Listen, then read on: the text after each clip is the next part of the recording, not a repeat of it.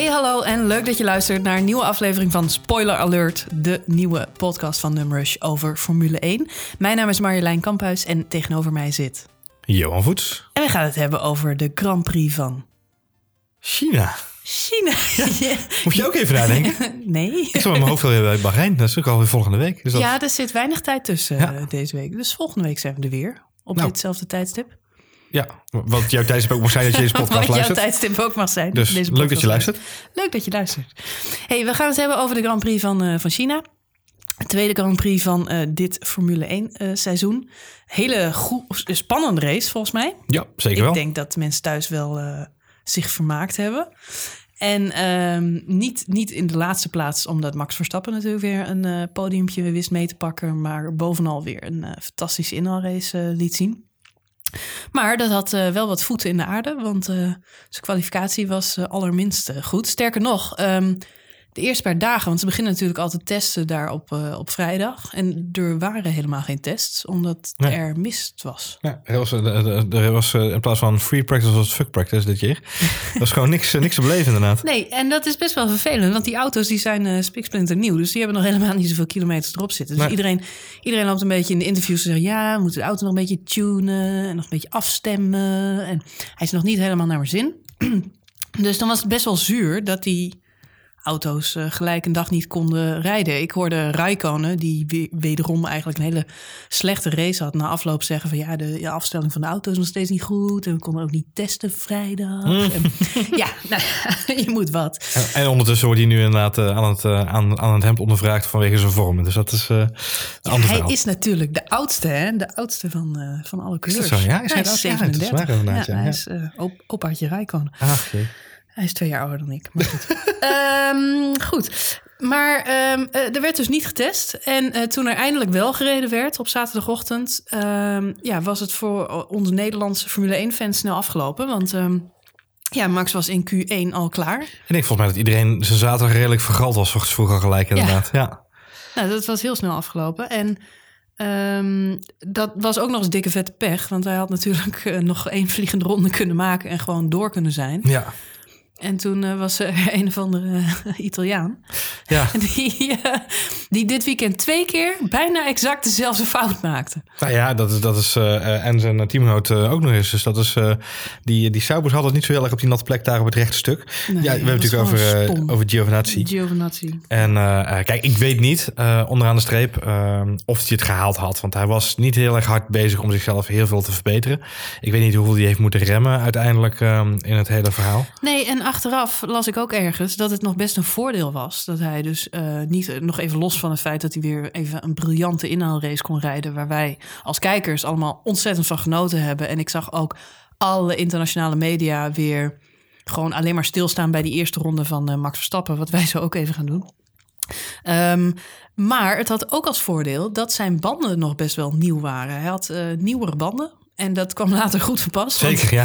Hij vernachelde er nog een Dames paar. heren, welkom bij de cursus Omdenken met Marjolein Ja, Kamphuis. nou, positief denken. Nee, Nee, maar dat is wel waar. Hij had het nieuwere banden dan de rest van het veld, omdat hij Ja. maar één eh kwalificatieronde eh, had gereden. Of één eh, Ja, stint. an- anderhalve stint ongeveer. Ja, Ja, dus, dus achteraf was dat nog best wel een voordeel. ja eens. Ehm, Die Giovinazzi was er overigens. Dat, de, de- veel mensen die zich ook afvroegen van waar blijft Wehrlein toch eh, in hemelsnaam. Pascal Wehrlein heeft natuurlijk die crash gehad waar we het vorige week al even over hadden. Voor de vorige Mhm. uitzending. Dat was niet vorige week. Maar de vorige uitzending. eh, die crash tijdens dat raceprogramma wat ze in januari hebben gedaan. mhm. Ehm, waar we nog zeiden van vroeger gingen ze skiën en maakten ze daar een, een noodlotgeval. Hij heeft daar best wel een behoorlijke klap gemaakt, blijkt nu toch wel. Want uiteindelijk blijkt nu, dat is naar buiten gekomen, dat hij een van zijn, zijn nekwervels volgens mij gebroken of gekneusd in ieder geval. Ik vind dat helemaal niet erg. Ja, wel voor Wehrlein. Ja, wel voor Wehrlein, ja. Heel vervelend voor Wehrlein. Maar ik moet eerlijk zeggen, ik vind het altijd wel leuk om van die enorme, enorme, ja, epic failures in de Formule 1 te hebben rond. Je bedoelt de nieuwe Gutierrez is opgestaan. Vroeger had je Pedro Diniz. Ah ja, Denise had je ook nog dat was ook zo'n eh, brokkenpiloot. En eh, je had Ukio Katayama. Ja, je had een heleboel. hallo, ja. Je had een heleboel. Ja, nou, überhaupt was de Formule 1 vroeger veel eh foutgevoeliger. Ehm, eh, auto's gingen sneller stuk, maar je had ook meer coureurs die stomme foutjes maakten. Ja. Eh, ik noem een eh, Jos Verstappen. Ehm, die, ja, die, die daarmee wel voor wat spektakel en wat opschudding in, in de race zorgden. Zeker. Alleen in dit geval was het best wel jammer, want ehm, ja, tijdens de race en we hadden zeg maar één rondje erop zitten en vrij snel kwam toen de eerste safety car. Ja. En toen was die weg. En toen ging Giovinazzi inderdaad weer op de, Ja. op in, door, door de plassen op het rechte stuk.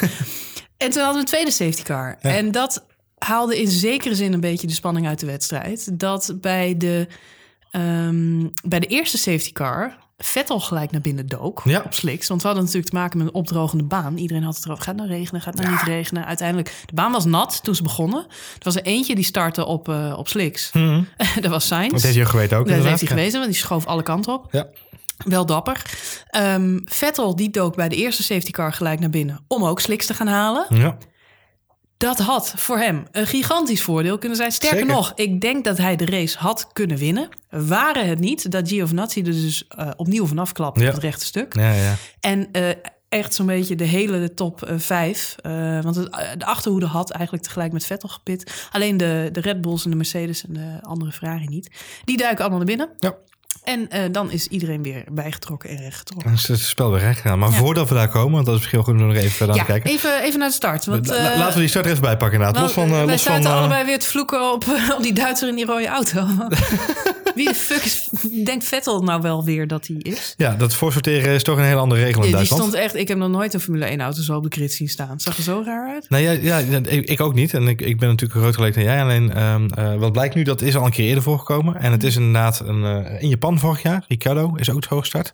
Ja, maar dat was van tevoren aangevraagd. Exact. En dat is een beetje nu dat er een, eh, wat natuurlijk tot discussie leidt. Waarom ging Vettel daar staan? Hele logische afweging. Hij ging namelijk beter voor het droge stuk van de baan staan. Hij wist natuurlijk dat als hij verderop, als hij een goede start hebben, dat hij verderop dan in het droge Ik gedeelte wilde niet in het plasje van Giovinazzi Ja, staan. precies. Het- ik wil niks weten over. Nou goed. Ehm, eh, hij wilde eh, per se zorgen dat hij daar rechtdoor kon. eh, en over het droge stuk natuurlijk zijn voordeel kon pakken. Ja, maar dat is leuk en aardig, maar dat willen we allemaal wel. Dat is ongeveer dezelfde reactie die Christian Horner later vandaag, op maandag na de race nog heeft laten, laten gaan.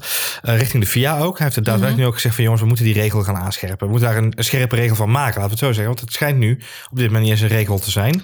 Ja, de, de regel is nu dat... Er is ehm, geen regel.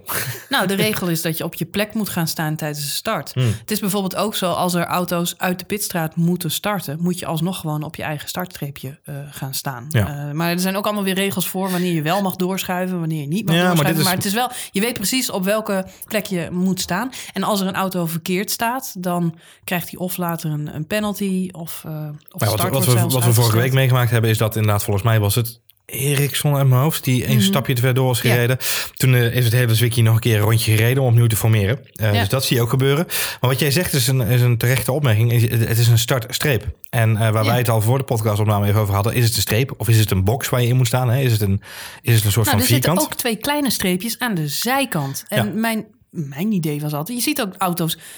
Sowieso, je moet niet op die streep gaan staan. Want die streep is wit, is verf, is glad. Dan heb je geen grip, kun je Hm. niet goed starten. Dus je ziet sowieso dat dat gemeden wordt. Maar wat Vettel nu deed... is die twee dwarsstreepjes eigenlijk helemaal ver- vermijden. Negeren, ja. En als ik het goed heb begrepen, had het niet eens zozeer met, met de natheid van de baan te maken, maar vooral het feit dat die, t- die twee witte zijkantjes wilde vermijden. Omdat dat glad gedeelte was. Hmm. Waarop ik dan denk, ja, uiteindelijk had hij er geen voordeel van. Hij pakte niet eh, de, de leiding, hij verloor geen plek. Hij, het is Nee, gewoon eh, nee.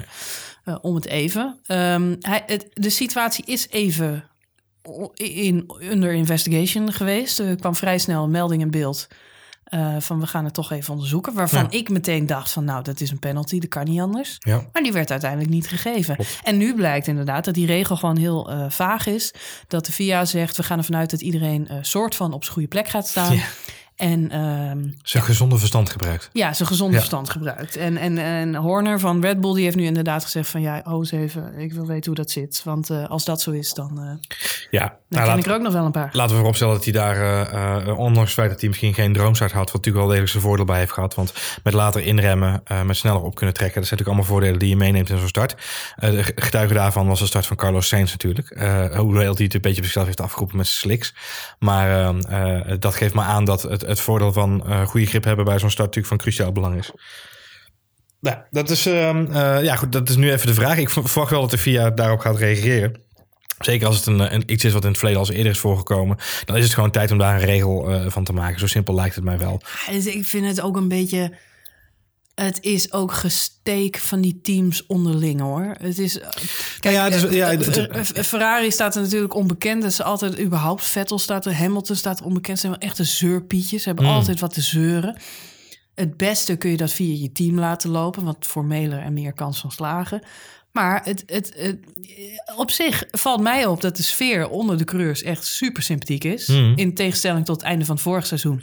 Is er echt een soort eh, klapje op de schouder hier, super gezellig daar. Ik zie Vettel en Max Verstappen ineens dikke vrienden in de afloop van de race met elkaar. eh, Lekker babbeltje maken. Hamilton die is bijna op het punt dat hij Max zijn naam kan onthouden, Hmm. maar nog net niet helemaal. Nou, we zeggen gewoon vind nou de doet. Ja. Ja, dus, ehm, maar die teams onderling, die zijn natuurlijk wel zo eh, slim dat ze weten dat je in dit, deze fase van het seizoen al je punten moet sprokkelen. Ja. En ehm, dus wordt er wel degelijk, en niet alleen je punten, maar ook je.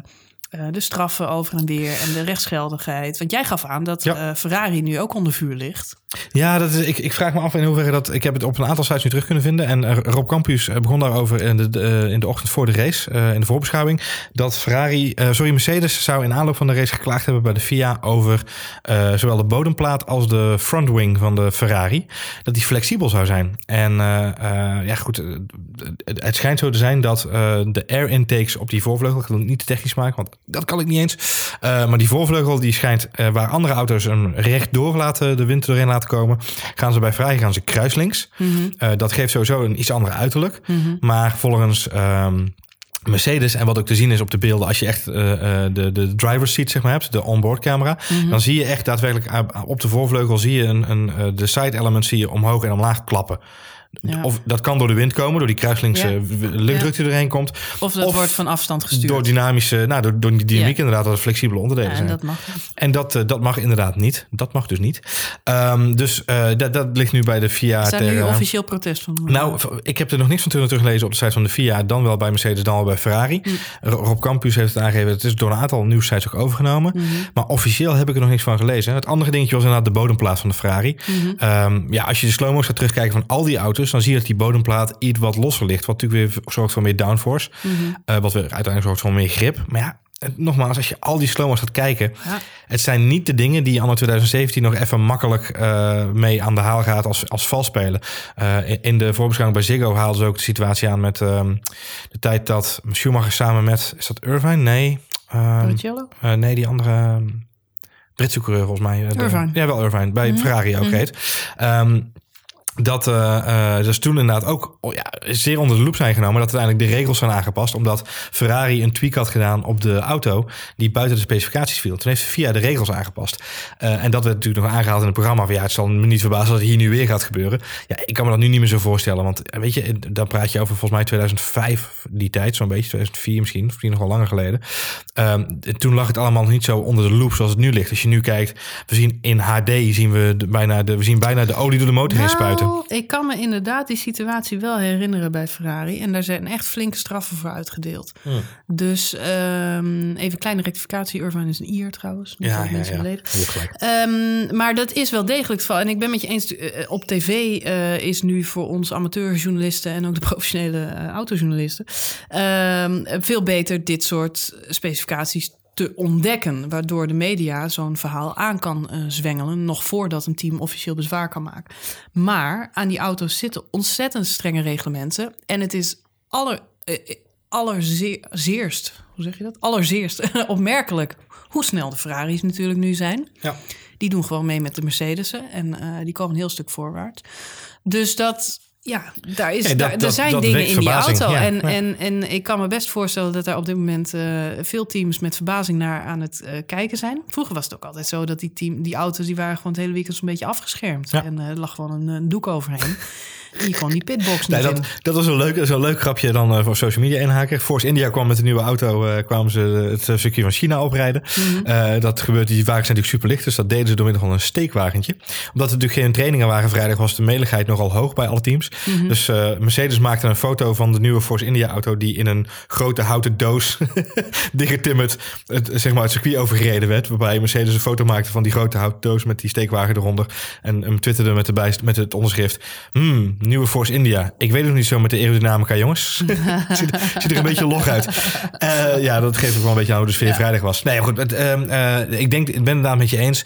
Ehm, zolang het nog niet officieel is, eh, verwacht ik ook dat het een beetje in die... Nou, het zou, het zou mij niet verbazen. Je, het zou mij niet verbazen als er toch... Het zou me niet als die grenzen worden opgezocht inderdaad. Maar het zou me ook niet verbazen als inderdaad hetgene wat wij zien... een gewoon heel slimme oplossing is van Ferrari... door middel van nou eh, ja, als, het, aerodynamica. als het rechtmatig is, dan, Dan horen wij dat vrij snel inderdaad, ja. dan, maar, eh, dan, zijn- dan hebben ze er goed aan gedaan. maar het geeft aan hoe de schaduwwerelden opereren. Aan de ene kant heb je inderdaad eh, de goodwill, eh, high fives en Ja, maar je lachen. kunt wel merken, er is heel veel veranderd aan die auto's dit jaar. Het is voor het eerst dat, er- dat echt zulke rigoureuze mogelijkheden waren om de auto breder, langer, groter, aerodynamischer te maken. En ja, ik denk wel dat ze daar. Het valt me wel mee. Als je kijkt hoe de auto's eruit zien, zijn ze allemaal nog redelijk hetzelfde.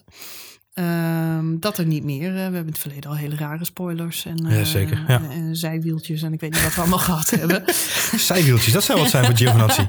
Of een stroll. Ehm, Dus, ehm, dus maar eh, we gaan het meemaken. Alle coureurs hebben wel plezier weer in de races. En dat is wel leuk om te horen. Dat Ja, is wel. Hamilton, Vettel, Verstappen, Ricciardo. Iedereen die je hoort na de race. Of opvallend genoeg wel allemaal mensen uit de top 10. Maar iedereen verklaart dat die auto's hartstikke, Nou, hartstikke en, goed rijden. en wij ook, want Max Verstappen die startte dan wel op een zestiende plek. Maar naar welgeteld één ronde, na welgeteld één ronde, lag Max Verstappen zevende. Ja, eh, hebben we een, eh, eh, hebben we een run-through? Kunnen we... ja, ik heb, het- ik, heb even, ik heb het filmpje er terug zitten kijken. Ja. Ik, heb, ik heb echt, ik heb Ik het zeg, ik, zeg, rondje... ik zeg jou driftig krabbelen net. Dus Ik heb de onboardcamera van Max Verstappen, ik denk een stuk of twaalf keer achter elkaar teruggekeken. Want het is fascinerend. Je denkt dus, ehm, hij, hij pakt heel veel mensen bij de start of zo. Dan heeft hij er meteen eh, acht of zo en that's it. Maar dat is dus niet zo. Hij pakt dus een. In de eerste, op de startpositie pakt hij er gelijk drie. Dus bij het aanremmen van, van de bocht aan het einde van de start... heeft hij er al drie te pakken. Ehm, hij had best wel mazzel dat hij tussen een groepje mensen zat... die ook allemaal best wel snel waren. Dus hij kon eigenlijk met die mensen meebewegen... naar, eh, naar de voorkant van het veld. En er waren een aantal die, waren, die hadden gewoon een hele slechte start... en die, laat laten ze echt allemaal links-rechts achter zich. Eerste bocht, buitenom, pakt hij er nog een. Tweede bocht, eh, binnenkant pakt hij er nog één. Dat was een chicane, vlak achter elkaar. Dus hij pakte twee in de eerste twee bochten, direct na het korte stuk. Turn 5 gaat hij buitenom, pakt hij de twee tegelijk. Fantastisch, echt wat mij betreft een van de mooiste. Dan wordt het wat moeilijker, dan zit hij achter Alonso. Daar heeft hij iets langer voor nodig, pas redelijk aan het einde van het rondje in bocht 8. Ook buitenom. En dan moet hij Massa nog pakken. En dat doet hij in eh, de bocht die direct daarna komt aan de binnenkant Ja. wederom. En dan moet Massa, die moet ook een beetje ruimte voor hem maken. Maar hij stuurt er gewoon keurig doorheen. Nou, en dan komt start-finish weer. En dan komt er een safety car. En heeft hij negen mensen ingehaald. ja. ja, dan gaat Hulkenberg voor hem aan de kant. Hè? En die gaat de pits in. Ik, het, is, het is fascinerend. Het is echt. En dan daarna, want je vraagt je echt af, hoe, hoe, waar komen al die plekken vandaan? En ik zei het geloof ik tijdens de race ook al, dat ik het eigenlijk maar één man ooit eerder heb zien doen. En dat was Michael Schumacher. En ik was nooit een heel groot Schumacher-fan. Ehm, maar ik kan me wel herinneren dat ik die races keek en dat ik dacht: die man komt altijd weer ergens bovendrijven. Weet je, hij kan achteraan gestart zijn. Ik, ik heb het al vaak gezegd, ik was fan van Mika Hakkinen. En dan startte Schumacher helemaal achteraan. En dan dacht je, nou, hè, hè, eindelijk wereldkampioenschap is de zak. We hoeven ons niet meer zorgen te maken om Michael Schumacher. En als een duveltje uit een doosje kwam hij dan toch helemaal weer terug in de top drie. Dat je dacht, hoe kan het? Waar haalt hij de seconden vandaan? Waar haalt hij de, de inhaalacties vandaan? Ik snapte daar geen zak van. En, en, ik, en, en Max die doet nu gewoon eigenlijk precies hetzelfde. Want in, eh, tijdens de safety car mag je natuurlijk niet inhalen. Maar ehm, er gaan er twee pitten. Vettel en Fiat, die duiken allebei de pits in voor slicks. Pakt hij er nog vijf, ligt hij vijfde. Vervolgens pakt hij Rijkonen en daarna pakt hij zijn teamgenoot. Ja. En dan ligt hij eh, tweede. Ja. Ja, dat kan toch niet? Ja en, dan, Ik vind dat bizar. en dan verdedigt hij die tweede plek met hand en tand. En, en dan heeft iedereen het over de, eh, de kwaliteit van de Red Bull. Wat natuurlijk heel erg in discussie is. Hè? Is de auto snel vergeet, genoeg? niet, vergeet niet dat dit een van de snelste circuits van het, eh, van Zeker. het seizoen was. Zeker, Echt ja. een van de aller, allersnelste. Met twee enorme, echt grandioze, lange rechte stukken. En eh, je ziet het gewoon als je naar de topsnelheid kijkt in de Formule 1-app tijdens de race.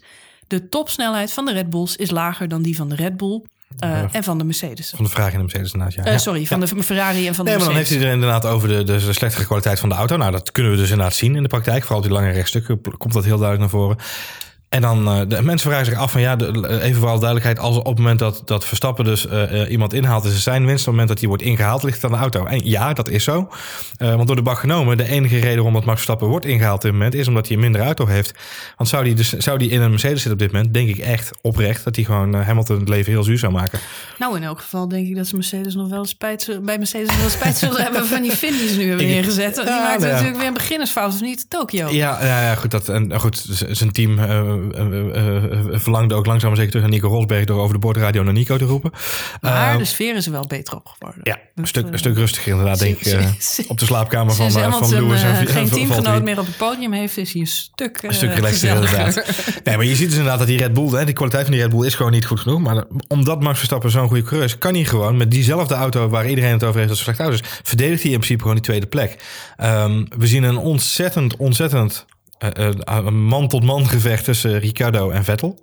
Ja. Eh, Vettel, Vettel heeft even, want we hadden het net al heel even over de pitstop-strategie bij Ferrari. Wheel banging all the way, zou Olaf Mol zeggen. Ja, precies. Ja.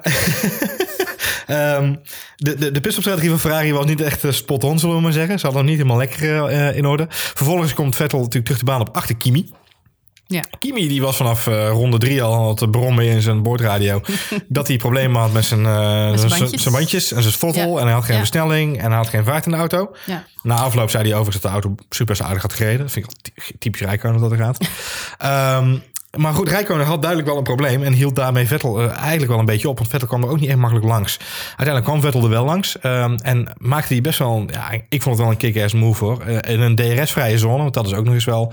Weet je, er was geen, kwam geen DRS bij kijken. Wat natuurlijk in de races van dit seizoen en van vorig seizoen... maar ik denk dit seizoen misschien wat minder... wel een rol speelt. Het feit dat je die achterklep kan opengooien. Die achtervleugel kan opengooien. En wat meer Het snelheid speelt pakt. een enorme rol, want dat maakte de laatste tien ronden zo Ja, maar. Ricardo zei wel, uh, naar aanleiding van dat gevecht, Ja. waar het zo nog even over hebben, maar gaf hij ook wel aan dat die DRS wel minder impact heeft dan vorig seizoen. Hij, hij vond het dat hij voelde, hij voelde het minder, hij voelde het minder dan Mm. vorig jaar, zei, zei hij zelf na afloop van de race. Uh, en ik denk dat het voor Vettel ook wel gold. Hij was wel echt terecht trots na afloop in een interview. Ook. Hij zei: ja, Ik ben blij dat ik Ricardo DRS vrij heb kunnen pakken, want dat is wel een kick extra voor de coureur.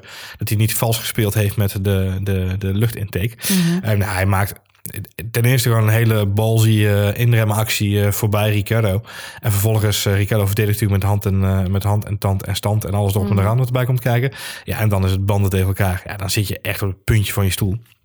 Uh, en, en, ik zei nog voor de race, Vettel is een um, risicootje. Hij is zo rustig en zo kalm in, en van buitenaf. En hij is de joviale gast. Tijdens de persconferenties maakt hij grapjes. Een hele uitgebreide platencollectie. Te een uitgebreide platencollectie inderdaad. Ja, hij, van, een, hij verzamelt kunst. Ook, ja. Uh, dat las ik allemaal. En toen zag ik hem vorig jaar een paar keer helemaal uit zijn naad gaan in die boordradio. Toen dacht ik, is dit dezelfde man? Uh, hij heeft ook zijn auto een liefkozend naampje gegeven. Dus een hele lieve, rustige man. Maar toch heb ik het idee dat hij op een punt staat van imploderen. Weet je wel, dat is een beetje het gevaar. Nou, je zag hem met het gevecht met Ricciardo, zag je hem ja, band tot band gaan. Fantastisch om te zien, spanning uh, op en top. En vervolgens komt hij op Max af. Ja, en is het balen dat Max daar zelf een foutje maakt. Want Vettel zette niet extreem veel druk. Ja, ja, het was denk ik voor veel kijkers ook wel even een schrikmomentje. Want je ziet Max Verstappen niet zo heel vaak foutjes maken. En ik had echt een beetje een hartverzakking dat ik dacht, oh nee, hij Niet staat onder doen. druk. en dat maakte uiteindelijk die tien laatste raceronden ook zo enorm spannend. Omdat je hem over de boordradio ook een beetje in paniek dingen hoorde roepen over... Uh, die Grosjean Ja, Grosjean waar Ja. hij maar niet voorbij kwam. Terwijl eh, als domme kijker denk je alleen maar... Grosjean, die ligt drie flatgebouwen voor je, man. Rij gewoon door. Maar ondertussen zie je inderdaad Ricciardo... die gooit gewoon zijn DRS open. Die is gewoon super snel. Die, Ja. zit, die is gewoon sneller dan, dan, dan Verstappen. En uiteindelijk probeert hij natuurlijk nog wel... in de alle, alle, allerlaatste raceronde. Ook hij en verremactie inderdaad. Ja, maar wat, wat, wat, wat mij vooral... En ik denk dat Ricciardo daar ook op in zat. Hij wist natuurlijk ook wel dat hij... Ja, dat Vettel voorbij was gestoken. Hij, met andere woorden, ook Max Verstappen is menselijk. Ik denk dat dat de epiphany was. In elk geval voor, voor Vettel uh, deze race. En ook uh, toch wel een beetje voor Ricciardo. Die dacht, ik blijf er gewoon achter zitten. Ik ga gewoon de druk opvoeren. Uh, Max heeft al eerder een foutje gemaakt. Het was trouwens niet het enige foutje met zeggen, Vettel. Jij, want, jij zegt, jij, we, zien, we zien hem niet veel foutjes nee, maken. Maar nee, in die onboard beelden, het was heel leuk. Sky Sports heeft daar een filmpje van. En misschien moet het even een stukje erbij zetten. Dan zie je uh, Max ja, hij, hij is zijn auto gewoon kwijt. Hij is echt zijn auto kwijt. En ehm, hetzelfde als vorig jaar in de, in de laatste race. In Brazilië, ja. Ja, dat, hij corrigeert het gewoon. Hij houdt gewoon die auto weer op de baan. En we hebben het niet eens gezien op televisie. Het is niet uitgezonden. Maar het was gewoon echt weer zo'n move. Zo even driften. Even die kart weer recht trekken. En terug het circuit op. Maar goed, eh, hij gaat hard. En ik denk dat Ricciardo... ehm, eh, ja, gewoon heeft zitten wachten op het foutje van Verstappen. Wat Ja. uiteindelijk niet kwam. En op het allerlaatst heeft hij toch zijn neus ernaast gestoken... in de hoop van, nou, dan ga ik het foutje maar afdwingen. Maar Max die... eh, Hij maakt hem zelf uiteindelijk. ja, Ja. Maar, ja, Max die had zoiets van, ik ga gewoon mijn rij- door. Hij gaf zelf aan mijn banden waren op. En eh, hij zei, ik zag dat Max zijn banden aan het, aan het afbreken waren. Hij zegt, dus ik dacht, Ja. ik ga een poging wagen. Maar op dat moment waren mijn eigen banden al veel te ver weg. En dan moest ik zelf anders in de ankers. Ik weet niet, ik weet niet hoe jij het ervaren, maar ik zat echt... Jongens, roep een teamorde. Roep een teamorde, want je kunt het... Nee joh, nee. ja, natuurlijk denk ik dat wel. Ah. niet maar niet dat... voor Max, niet alleen voor Max hoor, maar gewoon ook in, de, in het grotere geheel. Vier en, v- eh, Nee, drie en vier nee. eindigen. Of niet eindigen. Ah nee, dat is, ja, dat is zo niet des Red Bulls. En daarnaast, het is een beetje hetzelfde als, als tijdens het voetbal eh Robben eruit halen als je tegen Tsjechië speelt. Bosveld erin zetten. Exact. Eh goede keus. Het zijn, eh, je moet dat niet doen. Je, moet, je haalt het hele moraal van, van, de, van, van de ploeg omlaag als je op cruciaal moment een speler niet je vertrouwen geeft. En, ehm, en als, als Red Bull in deze fase van het seizoen alle teamwoorden uit zou delen, dan is Ricciardo is pissig. Eh, die, die jongens die kunnen het hartstikke goed met elkaar vinden. Die, zijn, die gaan in sommige races gaan ze heel gelijk op. Deze, deze Grand Prix leek Max weer iets eh, natuurlijk voor te liggen op zijn, eh, zijn teamgenoot. Zeker omdat hij hem in het begin van de race eh, ja, vrij makkelijk inhaalt. Maar ja, aan het eind van de race zie je, het is ook allemaal een kwestie van banden. En ehm, ja, en dan wordt het toch heel spannend. Dus ik, nee, ik denk dat het team er heel verstandig aan heeft gedaan om geen teamorders Oké. gewoon lekker laten racen. Eh, die gasten die zijn eh, volgens mij eh, slim genoeg om elkaar niet van de, van de baan te rijden. Ik denk dat zelfs Max uiteindelijk de ruimte had gelaten Nee, om, om hem er langs te laten. Maar gelukkig, gelukkig, gelukkig was het niet nodig. Nee. En pakte hij gewoon lekker podiumpje. Ja, die eerste keer dat hij... Tweede race van het seizoen. Nou ja, dat is toch lekker om mee te pakken inderdaad. En eerste keer dat Hamilton, Vettel en Verstappen samen op het podium stonden. Zo. Dat is ook voor Vettel was ik leuk. Nou, Vettel had het heel erg naar zijn zin. En ik moest heel erg lachen, want eh, er was natuurlijk enige eh, interactie tussen de drie mannen Mhm. in de afloop van de race. En ik kon duidelijk merken dat Vettel erg blij was met het feit dat hij Max Verstappen gepasseerd was. Mhm, mhm. Ehm, en eigenlijk ook Max in een foutje gedwongen had.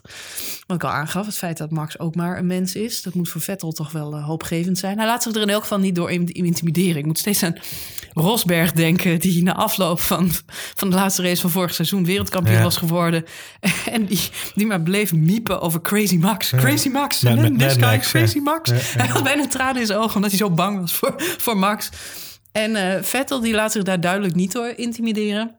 Ik denk dat Hamilton nog steeds denkt dat hij, dat hij God is en dat hij niks met de rest te maken heeft. Dus eh, die stond eh, op het podium heel amicaal eh, eh, Max er even bij te trekken. Zo van, eh, ja, this guy. En, en ja, we moeten, hey, we moeten nog even de race terugkijken. Want we moeten even kijken hoe hij die inhaalacties weer, Ja. weer gedaan heeft. Waarop Vettel hem echt aankeek van, gast, ik heb hem ingehaald vandaag hoor. Ik weet niet waar jij zat.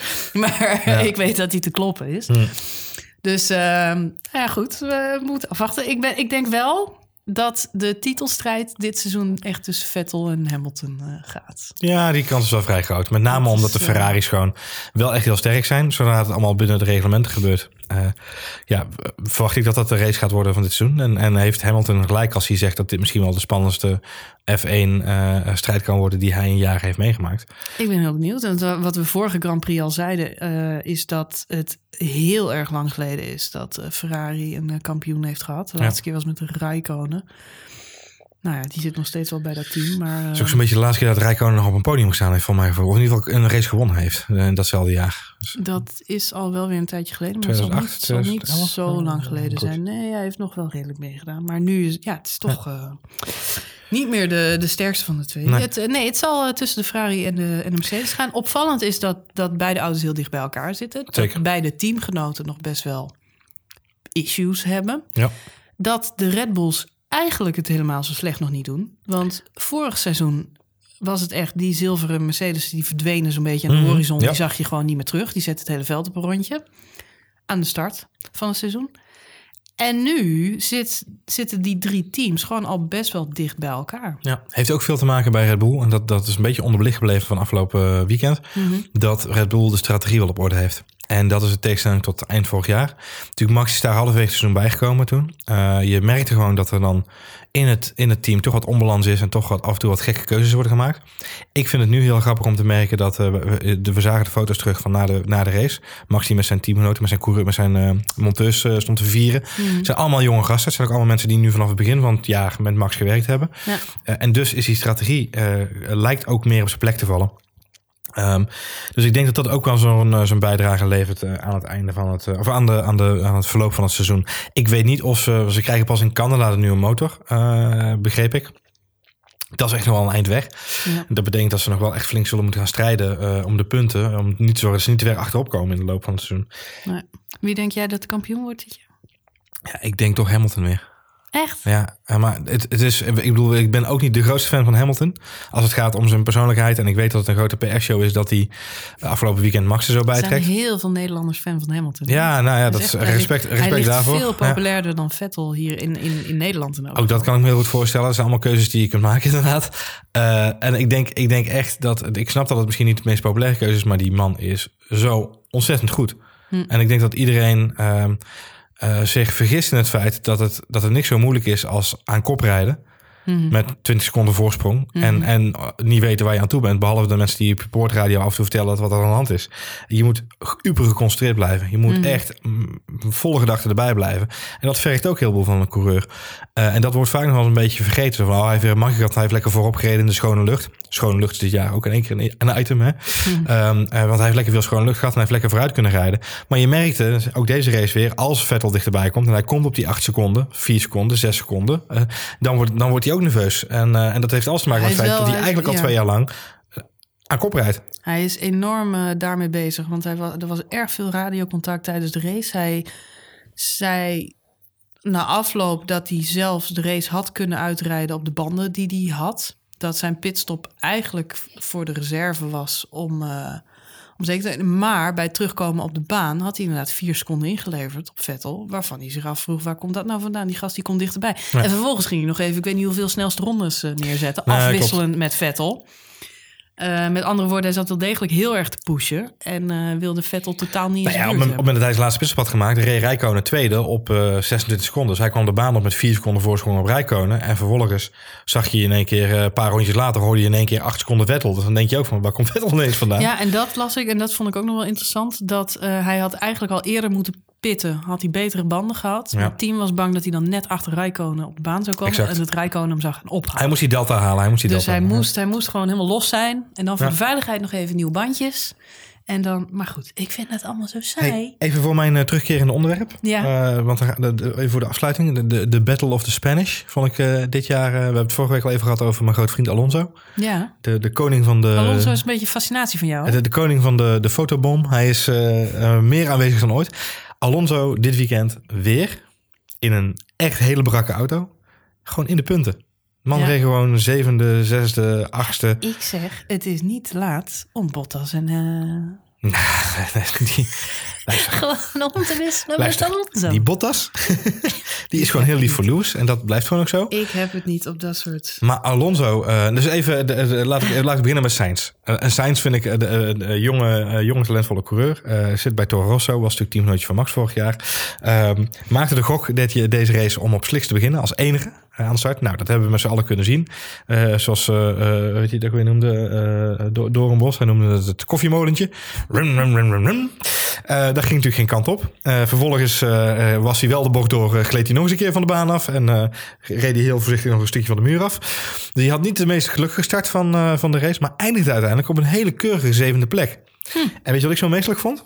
De boordradio na afloop.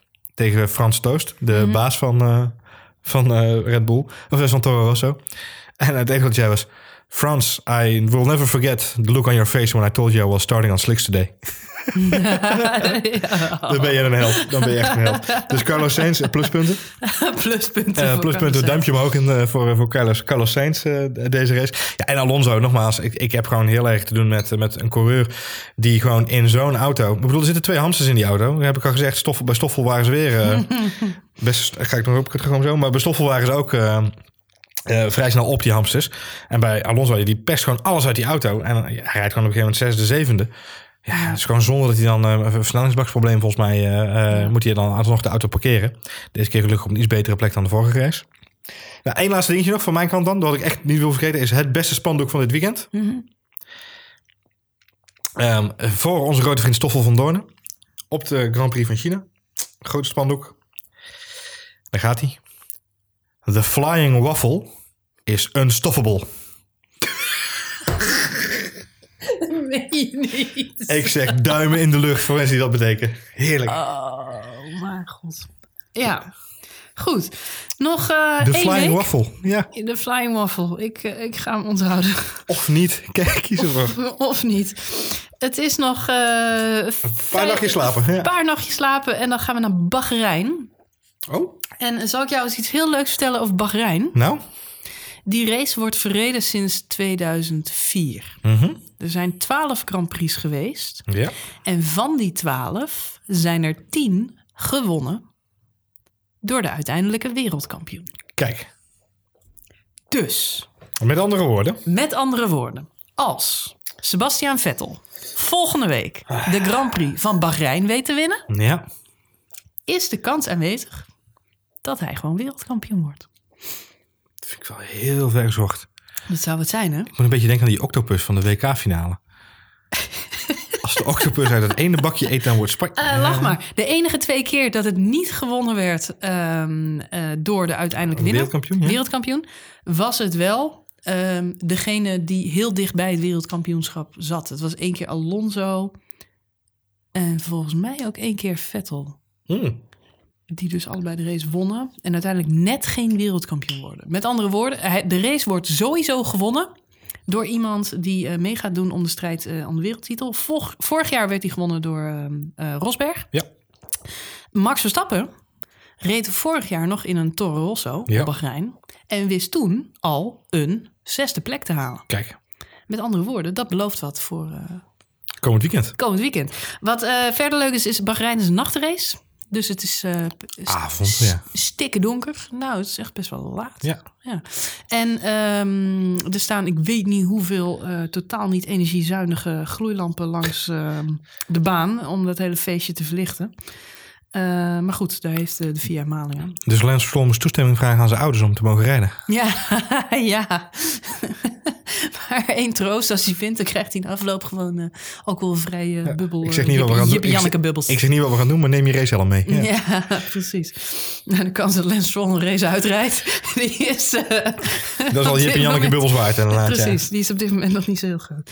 Ehm, dus nachtrace. En ehm, ja, ik, ik kijk er altijd wel naar uit. En wat natuurlijk bij Bahrein altijd het verhaal is, het ligt midden in de woestijn. Dus heel veel zand. Zand op de baan.